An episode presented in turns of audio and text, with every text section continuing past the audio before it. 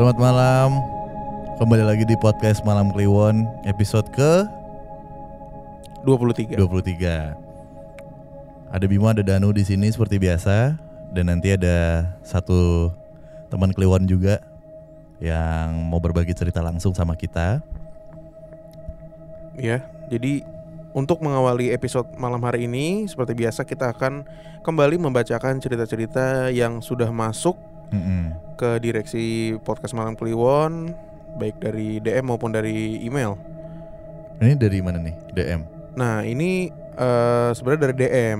Oke. Cuma kalau teman-teman ingat kita tuh pernah eh, menceritakan satu cerita dari salah satu anak alumni FMIPA UI itu di epi- dua episode lalu ya kalau nggak salah ya Oh, yang, yang ini. ngebahas MIPA UI. kuntilanak terbalik. Heeh. Nah jadi eh, yang ngirim cerita ini sebenarnya adalah temennya adik gue Bim.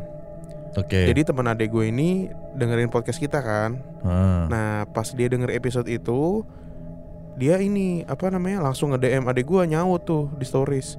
Din, wah gila, kok bisa sama persis ya sama cerita gua waktu itu. Nah, dari situ gua coba tuh tanya ke adik gua, emang si apa temen lu ngomong apa Din? Ya udah mas, ntar gua kirimin ceritanya. Kayak gitu.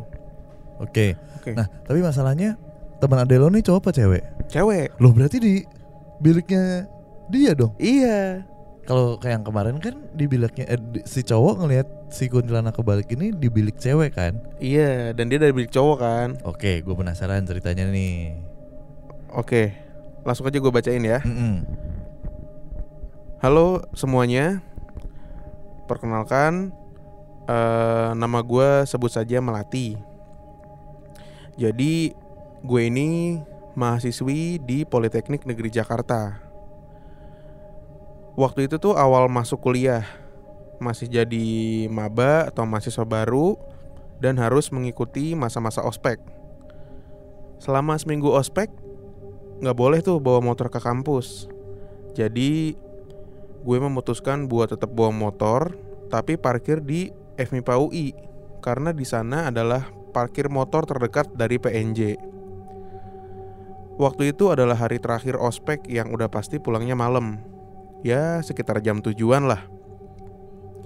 Nah, dari PNJ jalan menuju FMIPA buat ngambil motor dan saat itu gue bareng salah satu temen yang kebetulan parkir di situ juga. Nah, pas di parkiran, gue ini bener-bener kebelet pipis sampai akhirnya nggak tahan. Tadinya mau ke toilet Indomaret yang di dekat FMIPA itu, tapi kejauhan. Akhirnya gue memutuskan buat nanya letak toilet ke satpam yang ada di pos parkir. Udahlah tuh ditunjukin. Nah gue ke toilet sendiri karena temen yang bareng gue itu cowok, nggak mungkin juga kalau dia harus ikut. Nah dan saat itu juga gue nggak mikir apa-apa Jadi langsung lari aja lah ke toilet Udah selesai buang air kecil Pas keluar toilet deket situ Gue kayak ngeliat semacam Sabut-sabut yang biasa ada di tanaman anggrek Lu tahu gak sih? Sabut di Di anggrek. tanaman anggrek Di tanaman anggrek Sabut tuh apa sih? Sabut-sabut yang Sabut hitam itu loh le Kayak ijuk-ijuk Oh iya. Heeh. Nah itulah pokoknya yang kayak ijuk itu tapi ngegantung Waduh. Nah, gue lihat lagi bener-bener buat mastiin kalau itu ijuk atau bukan. Lagi-lagi di situ gue nggak mikir aneh-aneh karena udah capek kan abis ospek. Mm-mm. Nah, cobalah tuh gue deketin. Dan ternyata itu adalah sosok kuntilanak terbalik dengan posisi kakinya di atas dan ngelipet gitu di dahan pohon. Anjing. Tapi posisi dia ngebelakangin gue. Alhamdulillahnya gue nggak ngelihat wujud wajahnya dengan jelas. Cuma ya kelihatan-kelihatan dikit gitulah. Itu pun juga ketutupan rambut. Dan seketika langsung bau bawang abis gua ngeliat itu. Nah rumornya katanya kalau ada bau bawang tuh berarti ada sosok kuntilanak itu. Terima kasih. kuntilanak merah, kuntilanak putih, sundel bolong. Ini baru lagi nih, gue baru denger nih. Kuntilanak terbalik. Dan letaknya sama lagi di situ ya di Fakultas MIPA itu ya. Dan di toilet itu Iya, titiknya persis kalau gitu. di fakultas mah masih Masih luas ya. Masih luas. Iya, Di titik di itu. situ. Dan kalau yang cerita si eh, Mas siapa namanya lupa gua. Yang dua Kemarin. minggu lalu itu itu Ah. kan dia nggak jelasin detail ya si terbalikin tuh kayak gimana. Tapi penglihatannya si Melati ini jelas jadi kakinya tuh ngelipet gitu ternyata ke dahan pohon. Bodoh amat. Ih, Gila ya.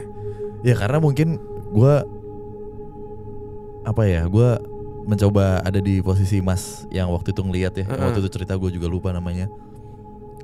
Ketika gua ngetik gini juga males sekali untuk ngedetailin. Iya sih. Ada Atau mungkin dia saat itu emang bener-bener cepet aja oh, gitu kan jalan. cepet Heeh. dia bilang sambil merhatiin detail udah. Iya, bodo amat deh. Gitu sih. Tapi- Gila ya. Ternyata ceritanya bisa bersambung cuy. Ya, ditanggapi oleh berarti berarti yang lain. sebe- sebetulnya bukan bersambung. Kayak ini bukan sebuah khayalan doang nih. Ini udah Heeh. kayak apa? Urban legend jadinya. Dan akhirnya kuntilanak terbalik tuh dapat validasi di Iya. di MIPA. Mungkin kan kita udah banyak tempat kan di sini kan ada yang Mm-mm. dari kalau di Jakarta ada dari Pejaten, ada dari mana, tempat-tempat publik gitu kan. Iya. Siapa tahu ada yang nyangkut juga yang sebenarnya nggak berani cerita. Terus Iya. oh iya bener, gue juga ngelihat nih kayak Boleh gini-gini. tuh buat teman-teman yang punya apa namanya pengalaman yang di tempat yang sama gitu atau melihat wujud yang kurang lebih mirip gitu. Tapi dengan cerita si Mbak ini, si teman ade lo nih Mm-mm. menjadi sebuah legitimasi untuk MIPA UI Iya. Serem tuh. Dan di toilet itu ya. Iya, fakultas cewek. Eh fakultas cewek apa namanya? Toilet, cewek. lantai dua Ih, gawat. udah ya. Oke, lanjut Bim. Cerita lagi. Enggak, kita kan sekarang udah kedatangan tamu nih. Mm-mm. Nggak berdua doang. Mungkin eh, lu bisa mencapai menyampaikan secara eh, Oke. apa namanya? Secara luas dulu nih siapa sebenarnya tamu kita malam hari ini. Jadi Mbak yang satu ini ya. Mm. Tuh udah mulai cengir aja. Sumpah gue jarang dengar suara cewek di podcast ini. Ya kan? Pas dia ketawa gue kaget cuy. enggak, bukan dari dulu kan gue bilang, nih ada temen gue cewek, bukan bukan Mbak ini ya, bukan. Ah, Udah sebut aja Mbak Rere. Mbak Mbak Rere ini kan dari dulu udah ayo dong nih ada cewek nih satu dua dengan ketertarikan dan interest yang sama nggak pernah jadi mulu oh gitu. kirain ada cewek nggak kelihatan di podcast kita Iya. iya Oke. ayo udah jadi ada Mbak Rere halo Mbak Rere Halo. nah nih gua pertama kali kenal Mbak Rere di mantan kantor gua lah Oke. iya Mm-mm. cerita kan tuh menyebar luas wah siap gak tuh Hmm. kalau Mbak Rere ini punya sesuatu anugerah yang sangat sensitif terhadap hal-hal yang seperti ini Oke. Heeh, bisa melihat betul ya Mbak Rere ya coba tolong dikoreksi loh kalau saya ini takut saya Iya, bisa betul. bisa merasakan melihat berkomunikasi bahkan Mbak Rere ini bisa masuk ke dimensi lain. Dimensi waktu yang berbeda. Iya. gitu. Jadi mulailah gue coba waktu itu ngobrol sama Mbak Rere. Salaman sapa gitu sampai sampai akhirnya gue nggak pakai babi bu mbak. Tek bareng yuk rumah lo kan juga deket di sini nih. Kita bukan butuh sih tapi kita mau sharing lebih dalam nih karena banyak banget teman-teman yang mungkin punya anugerah yang sama ya punya gift yang sama kayak Mbak Rere cuman rumahnya pada jauh-jauh gitu eh sampailah ke kesempatan kali ini Oke, eh, Gitu. untuk mengawali kita mengulik Mbak Rere ini mungkin satu pertanyaan awalan tuh Mbak Rere kapan sih sadar kalau Mbak Rere ternyata punya kemampuan eh, six sense gitu ya atau Mhm. punya kelebihan itu itu dari kapan tuh Mbak? Kalau sadar itu sih mungkin SMP ya, SMP awal lah. Mm-mm. Karena sebenarnya itu mama bisa juga, oke cuman dia cuman bisa melihat dan komunikasi. Jadi dulu tuh aku punya temen apa ya kayak imaginary friend ya. Oh teman hayalan. Iya. Oh. Jadi mama papa aku tuh kan eh, kerja itu pulang sampai malam. Mm-mm. Jadi kadang aku suka ditinggalin sendiri sama ya mamaku udah tahu kalau dia tuh ninggalin aku sama teman-teman aku itu Hmm. gitu. Jadi aku dibeliin boneka banyak dan ternyata yang selama ini dulu kecil aku main itu adalah hantu gitu. Gimana gimana gimana? Eh jadi Mama beliin boneka. Heeh. boneka itu untuk memancing si anak-anak kecil ini mau main sama aku. Anak-anak kecilnya nggak kelihatan. Iya. Wah, gila juga orang tua lu. jadi kayak maksudnya jadi maksudnya kayak eh ya udahlah biarin anak main aja gitu Mm. daripada main di luar yang kayak gitu-gitu. Oke. Gitu. Ini kita sambil ngobrol aja ya. Nah berarti eh, si mamah nih nyokap nih Mm-mm. manggil dengan sengaja dong berarti. Nggak sengaja sih memang dia itu suka main anak-anak itu cuman di depan halaman rumah kayak gitu Tapi di iya. pekarangan lah terus akhirnya tahu aku dan aku emang tahu sih mereka Oke. udah ngelihat dari awal tuh maksudnya dari awal aku pindah ke sana sudah Mhm. tahu ada mereka mereka orang tapi aku nggak tahu kalau misalkan itu adalah makhluk halus gitu Oke. ya udah akhirnya main main main sampai aku beranjak ya baru kayak maksudnya aku nggak nyadar kalau ternyata dia tuh bukan orang Berapa orang mbak? empat Itu eh, empat makhluk ini Mm-mm. bentuknya tuh kayak anak kecil normal atau berbeda dengan anak-anak kecil pada umumnya? normal normal sangat sangat normal Dari kulit kayak gitu? eh kalau kulit sih mungkin kalau dulu ya aku nggak begitu ngeh kali ya Mm-mm. kayak maksudnya ah ya udahlah sama aja mungkin beda maksudnya kulit orang kan beda-beda gitu kan Mm-mm. nah itu mungkin agak kayak kuning langsat ya mereka Paling gak tahan kan lo ngomong kayak gitu. iya Enggak, enggak Kuning soalnya langsat gitu ini sama kayak Kuning kunyit kalau yang bukan itu. bu ini ini sama kayak pocong minggu lalu cuy. Iya, kuning kunyit. Kuning kunyit, ya kan? Oke. iya betul Enggak maksudnya Mas Danu tuh bentukan teman-temannya Mbak Rere ini kayak film horor di Indo atau film horor di luar. Kalau film horor di luar kan anak kecilnya kayak Annabelle yang bentuknya anak kecil Iya, pada pakai pada pakai terusan. dress gitu-gitu gitu. yang memang Mm. orang. Cuman ketika kita sudah diimajinasikan ke lokal lokal kan iya compang camping tuh celana doang. kayak turah Iya, gitu-gitu ya. Iya, kayak kayak tuyul gitu. Itu lengkap gimana, lengkap Pakaian lengkap. lengkap bukan nggak ada nggak ada eh ciri ini dulu kayak anak zaman Belanda gitu-gitu. Hmm, enggak. Jadi bahkan mereka tuh sampai kadang pakai bajunya ini, kadang pakai baju itu gitu. Jadi enggak enggak monoton itu aja. Oh, Wah. Oke. Gila. Iya, jadi Terus? gitu. Eh, mereka tuh punya nama nggak masing-masing? Punya Boleh disebutin nggak? eh boleh cuman mungkin satu kali ya. Soalnya kalau aku sebutin empat-empatnya, Hmm. biasanya mereka datang. gitu.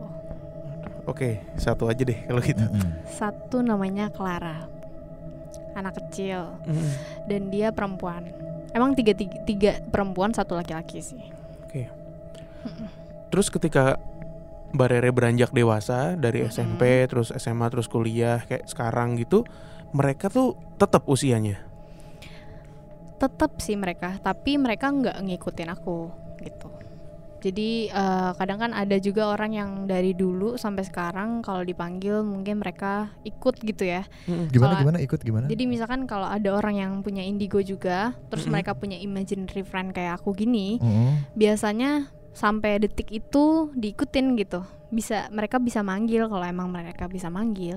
Tapi biasanya ngikut. Nah kalau ini aku bener-bener nggak ngikut sama sekali mereka kalau aku panggil datang kalau enggak enggak gitu Eh, Oke, ini kan berarti imaginary friend gitu ya. Maksudnya kan Iya. Sebenarnya bukan imaginary friend sih. Bukan, Kalau makanya, imaginary friend kan teman khayalan ya. itu itu gua itu dia maksud gua Heeh. mau gua luruskan di sini. Mm. Ini berarti ruh kan mereka. Iya. Iya. Jin.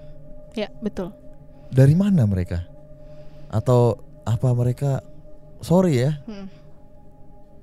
eh, korban something atau gimana atau Mm. dari mana gitu? jadi selama aku kecil aku nggak pernah interview mereka ya maksudnya nggak pernah nanya-nanya Heeh, kayak heeh. gitu cuman pas aku sudah lumayan agak dewasa Mm-mm. terus mereka ketemu lagi sama mereka Mm-mm. aku nanya itu sebenarnya mereka agak eh, nangis ya jatuhnya jadi Oh, kayak sedih. "Heeh, setiap ditanyain kayak gitu mereka sedih tapi mereka cuman bilang kalau ini rumahnya mereka ini rumahnya mereka gitu seperti itu tapi nggak ada kayak maksudnya berdarah-darah atau apa yang kayak gitu enggak I know karena kan eh, ini kan bentukannya anak kecil ya. betul Berarti mereka udah nggak ada saat anak kecil dong. Paham nggak Iya. maksud gue? Iya, meninggal waktu kecil. Iya nggak? Dan empat orang itu penghuni rumah situ semua saudaraan atau enggak? Kalau dari muka sih mirip, tapi mereka nggak bilang kalau mereka saudara. Oke. Oke. Mm-mm. eh gue tertarik banget sih sama cerita Mbak Rere tentang teman-temannya ini. Em, mereka ini berempat itu Mm. dari perawakannya tuh orang Indonesia atau gimana? Indonesia. Indonesia. Soalnya kan Indonesia. kalau kita nyimak dulu ya ceritanya Saraswati si Risa, Heeh. Mbak Risa, Mm. Teh Risa ya.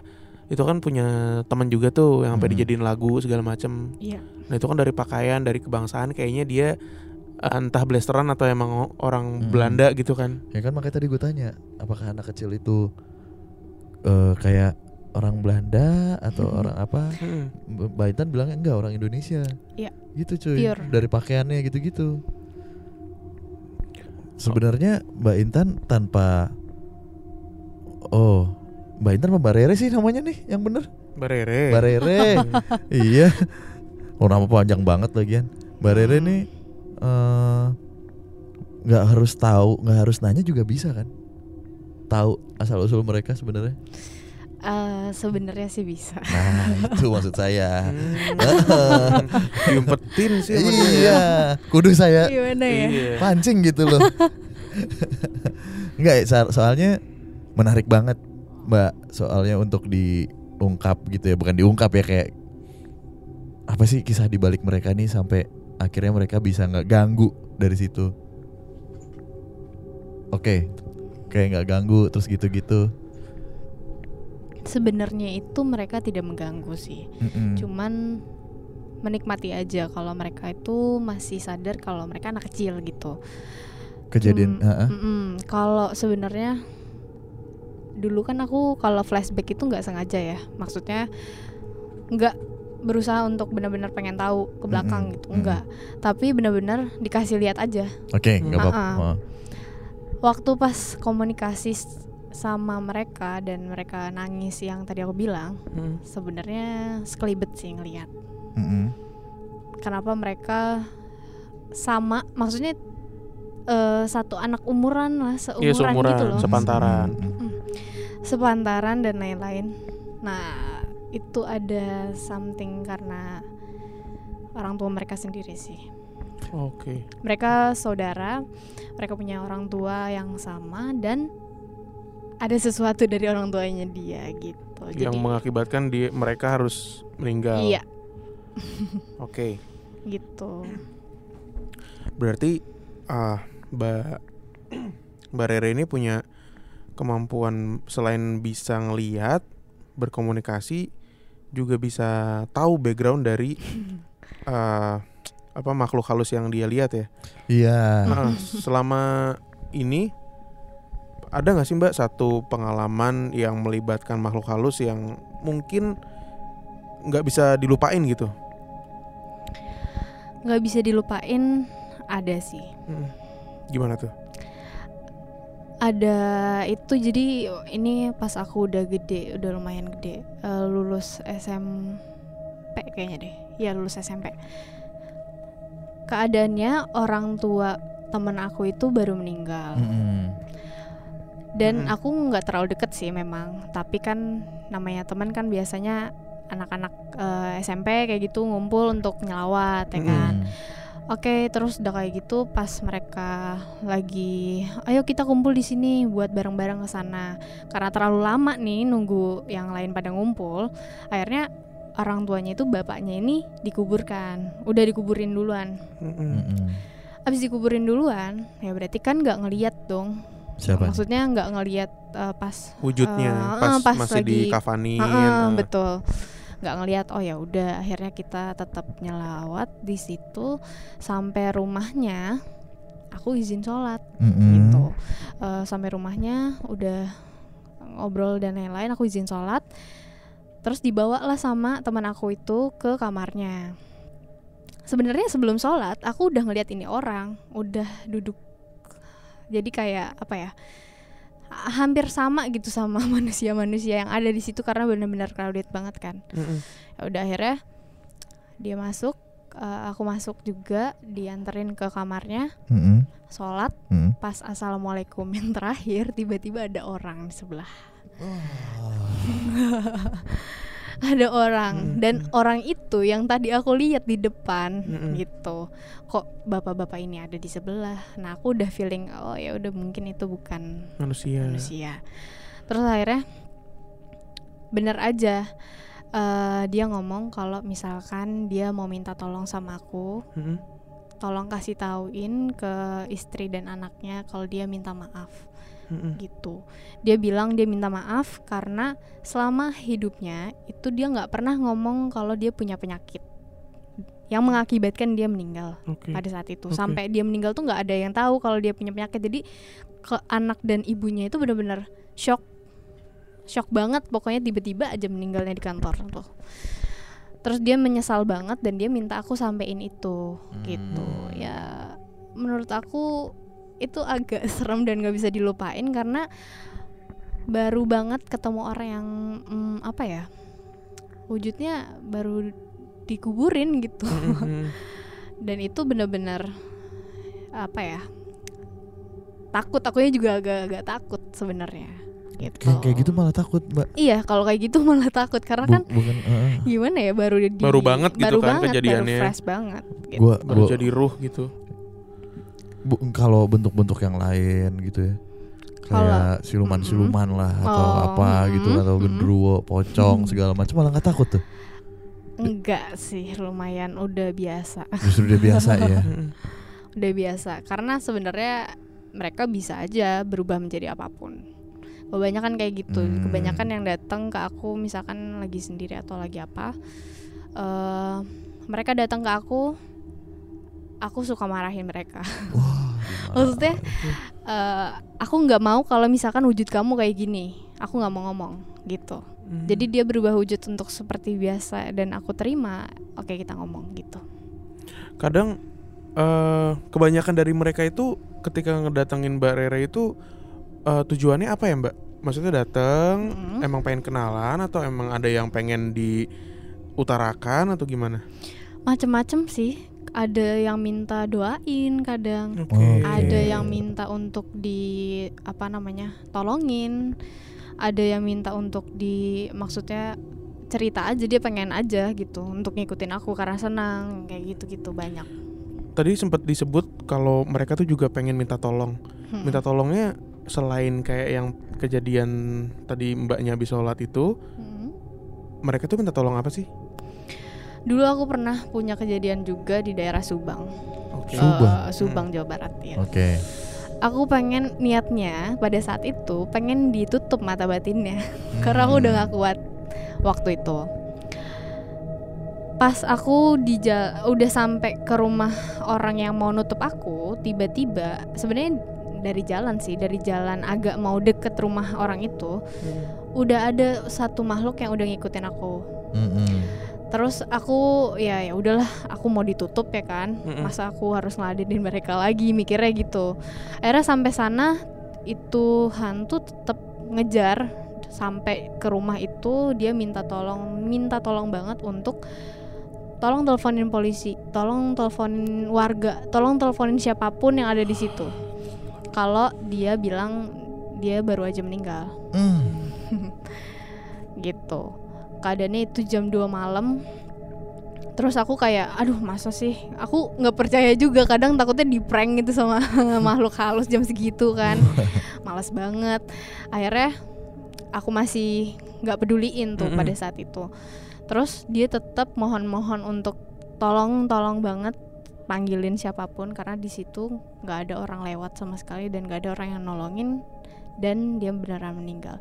Terus aku ngomong sama orang yang mau nutup aku Mm-mm. karena ya gimana ya bingung aku harus memutuskan apa nih ketika ini dan bener aja pada saat itu kata dilihat sama dia benar katanya Mm-mm.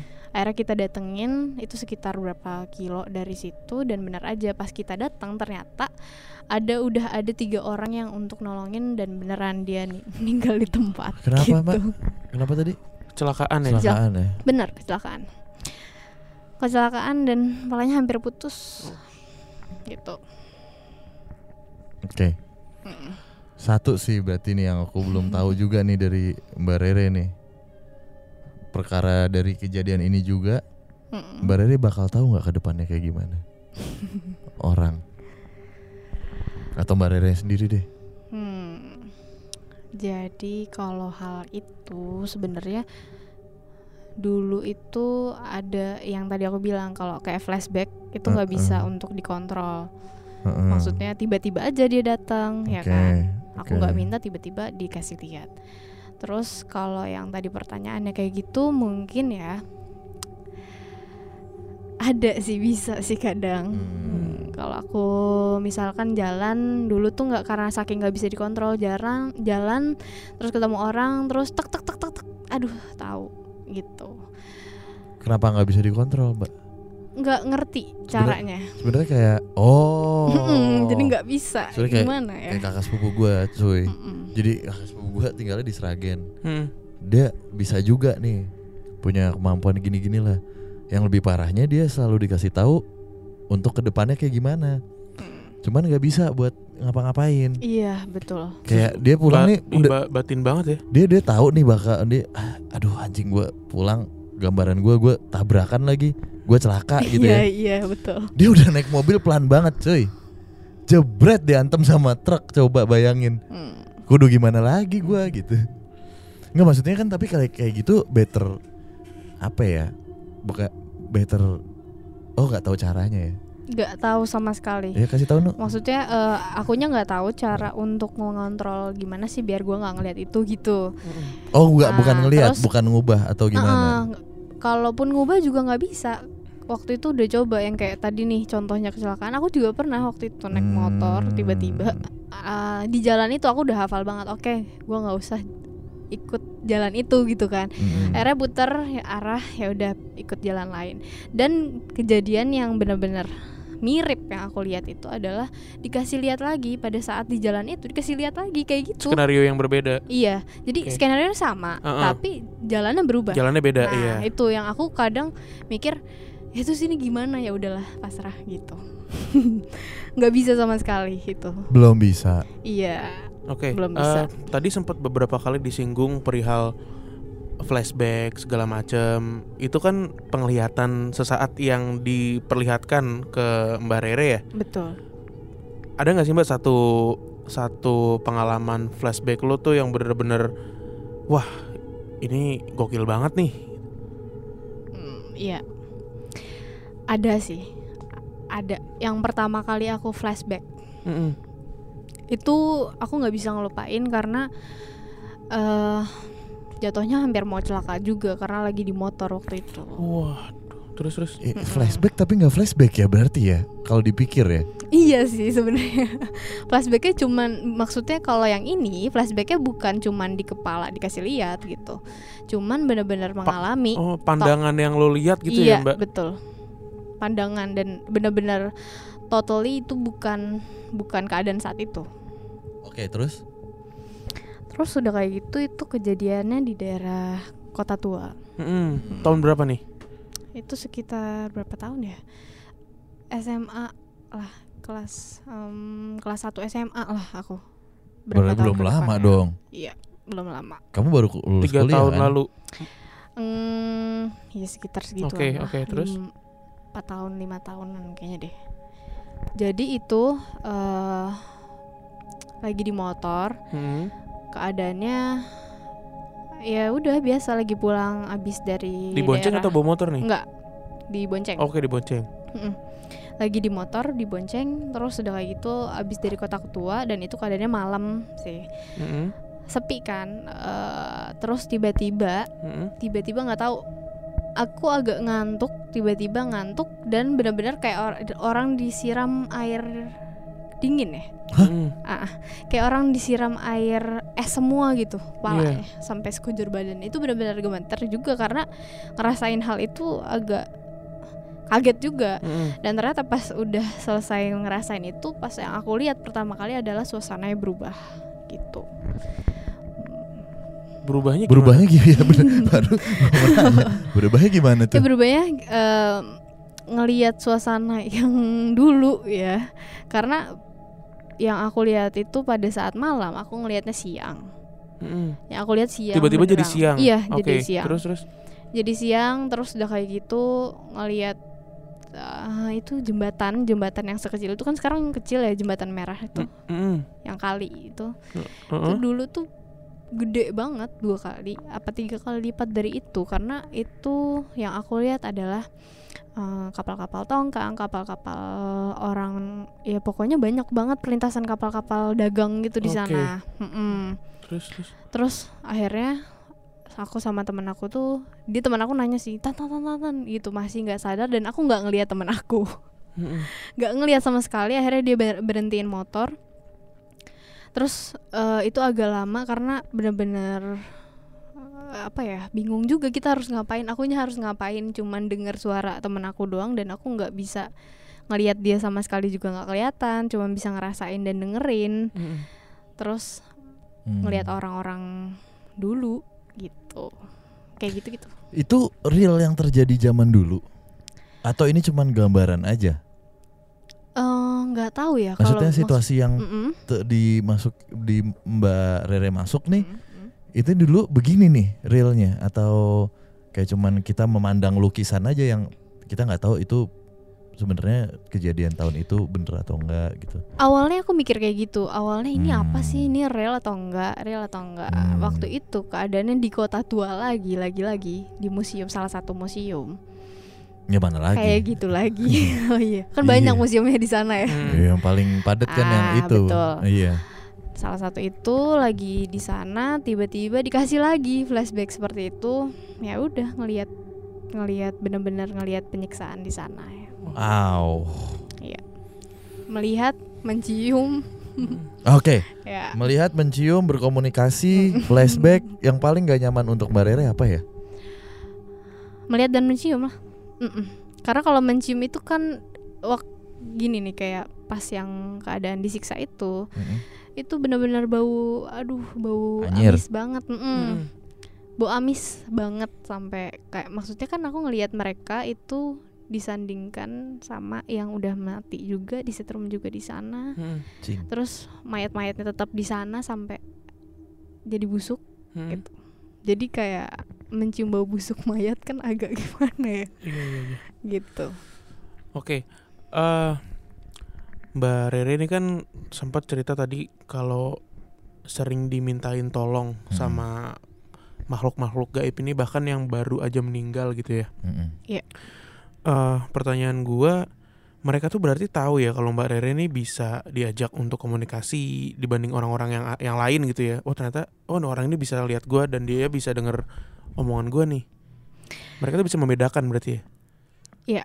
mereka bisa membedakan karena pasti tatapan orang yang bisa melihat itu Mm-mm. ya ketahuan misalkan kayak nggak sengaja aja ibaratnya nih kita nih ketemu terus nggak sengaja kan kelihatan tuh mata ke mata Iya. ya kayak gitu jadi pasti tahu dong kalau ini orang ngeliat gua nih gitu Terus eh berarti setelah memiliki beberapa pengalaman kayak gitu, akhirnya kan pasti orang-orang jadi tahu nih, oh Mbak Rere ini punya kemampuan untuk eh, nolongin orang juga nih. Terus Hmm. banyak kayak minta tolong tuh Mbak sampai sekarang. Eh, lumayan sih banyak Lumayan banyak. Mm-mm. banyak Terus Mbak Rere menentukan bahwa orang ini mau gue bantu atau enggak tuh gimana tuh Mbak? biasanya yang urgent sih maksudnya Oke. uh-uh, yang urgent Mm-mm. misalkan kalau dia benar-benar misalkan ya dia kena semacam diguna-guna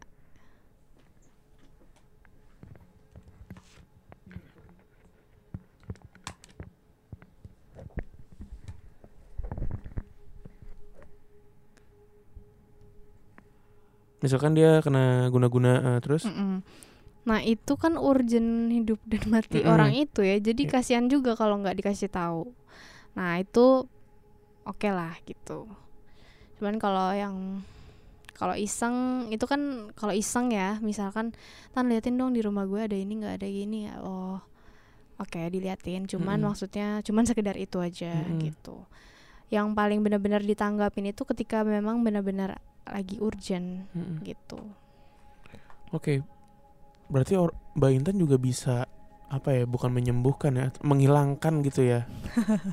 apa kiriman guna-guna segala macam itu praktiknya gimana tuh Mbak? oh kalau misalkan menghilangkan tidak Mm-mm. pasti eh, aku bakalan ngasih ke orang yang lebih bisa ya Oke. karena aku nggak belajar aku benar-benar pure aja kayak gini gitu Mm-mm. untuk ngelihat bla bla bla Mm-mm. cuman kalau eh, misalkan mencabut guna-guna itu oh enggak itu jadi aku benar-benar menyarankan orang itu datang ke orang yang tepat untuk diobatin gitu karena Oke. paling juga misalkan kayak gini kan banyak zaman sekarang itu banyak kayak yang apa-apa uang gitu apa-apa Iya. uang terus dan ternyata nggak benar gitu Mm-mm. bukannya sembuh malah sakit Iya. gitu. Karena dia biasanya ditaruh hantu lagi untuk dia balik lagi ke orang itu. Gitu. Ngerti nggak? Iya. Heeh, nah kalau kayak gitu aku biasanya juga ngeliatin oke jangan di sana. Oke jangan di sana. Nah gitu paling. Oh, berarti Mbak Mbak Rere ini membantunya dengan mendeteksi ya. iya penglihatan. Heeh. kayak gitu. Terus eh selain Mbak Rere di keluarga dan nyokap siapa lagi yang punya kemampuan sejenis kayak gini? eh di atas mama kakek bisa. Di atas kakek ad- kakaknya kakek bisa. Terus ke atas atas. Pokoknya turunan dari mama aja. Oke, berarti itu udah turun temurun di keluarganya Mbak Rere ya. iya. Terus dari apa namanya dari mamanya terus kakeknya itu Mm-mm, mereka mendalami atau enggak sih?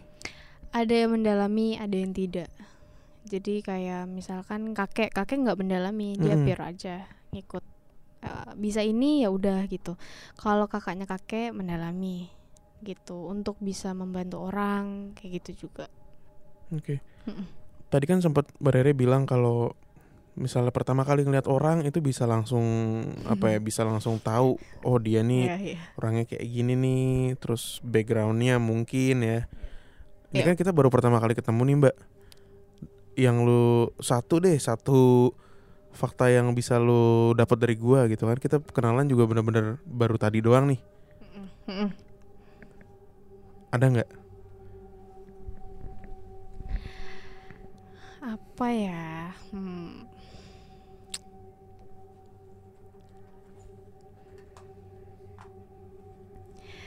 Ya jadi yang aku lihat cuma yang baru kelihatan adalah pas mungkin pas kecil kali ya. Oke. Pas saat kecil. Mm-mm. pernah dibawa apa ke eh, salah satu rumah yang kayaknya itu rumah keluarga juga. Mm-mm. di daerah bentar daerah Jawa Mm-mm. ada ada Jawa iya di Jawa kita lagi lagi di Jawa ini ya bukan ada. bukan Lu jangan terlalu pintar Jawanya- nu kalau lagi Enggak, kayak enggak. gini. Iya, bener, bener. Jawa Jawa Tengah lep- tepatnya Ya, Heeh. jadi kalau Jawa Barat kan bukan itu Bandung aku Mm-mm. sebut ya, mm, Jawa daerah Jawa dan ya keadaannya di situ. Mm, jadi sebenarnya ada sesuatu yang aku lihat juga pada saat itu dan sampai sekarang masih ngikut salah satu dari rumah itu. Gitu. Ikutnya dalam arti positif atau negatif? Kalau bisa dibilang positif negatif sih kayaknya tengah-tengah ya. oh gitu. Mm-mm.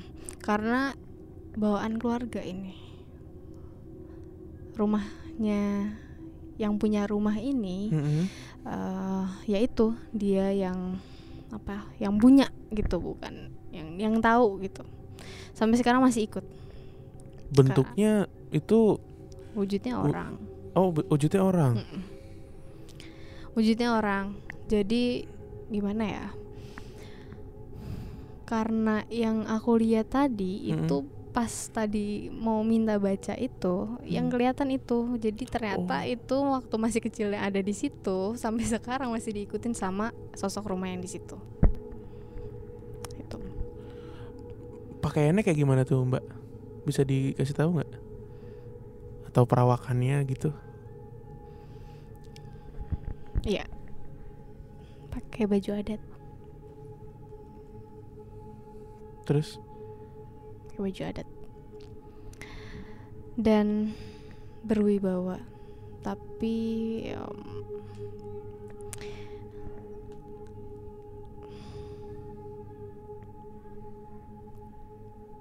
dia nggak mau disebutin namanya. Mm-mm.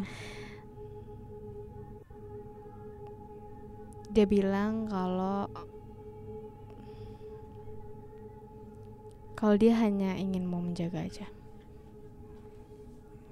Oke. dari kejadian-kejadian misalkan kayak dia bilangnya sih ya Mm-mm. kalau misalkan lagi ada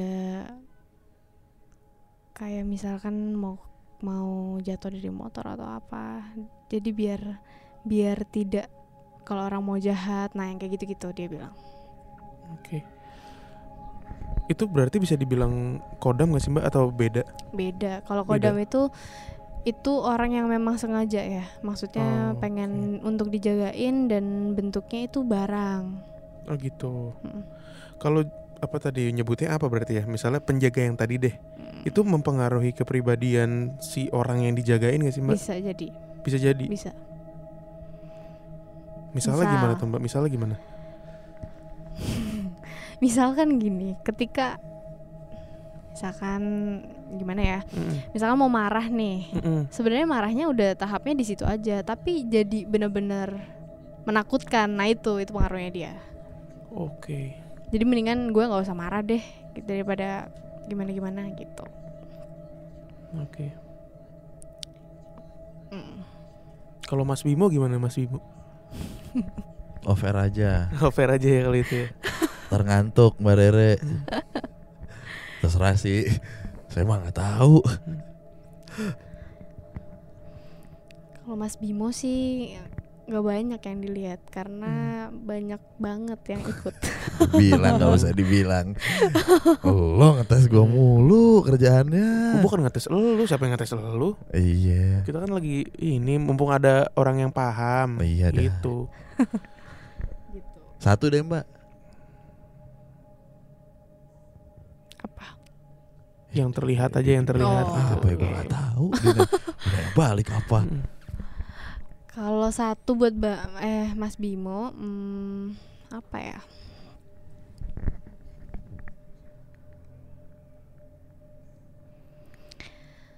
Hmm, salah satunya itu adalah lagi-lagi dari keluarga juga, Hmm. tapi sekandung ya.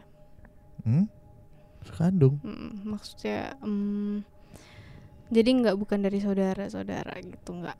Cuman Hmm. ini lebih berapa bersaudara? Berdua saya Mbak. Berarti ya dari yang salah satu itu. Bagaimana ya? Jadi gini, sosok ini itu sebenarnya seneng sama yang satu, cuman ikutnya ke Mas Bimo gitu. Karena auranya Mas Bimo itu lebih agak gimana ya, lebih Hitam no. lebih aduh susah dijabarin ya kayak gitulah pokoknya lebih menarik gitu Iya, pas banget ini juga udah meleduk nanti laptopnya. Tapi tadi saya menarik loh. Saya tuh apa debannya memperhatikan kan ya. Mm-mm. Mbak Rere nih dari begini, begini, Mm-mm. begini, Mm-mm. suaranya bulat, tengah geter, Iya. Kayak gitu. Ya, gua gue tadi sempet ke belakang ya. Mm-mm. Eh, Biar Mbak Rere lah yang menjelaskan. iya soalnya gimana ya kalau kalau lagi cerita gini tuh banyak gangguan Oke. gangguannya maksudnya ada yang kontak kayak yang tadi Nih, lagi gue udah cerita gue udah nulis, gue udah nulis di note. Nanti Hmm. sama nggak sama pendapatnya Mbak Rere? apa Oke. tuh? Nanti aja Mbak. Oke. Kita Kayaknya bakal panjang di off air ya.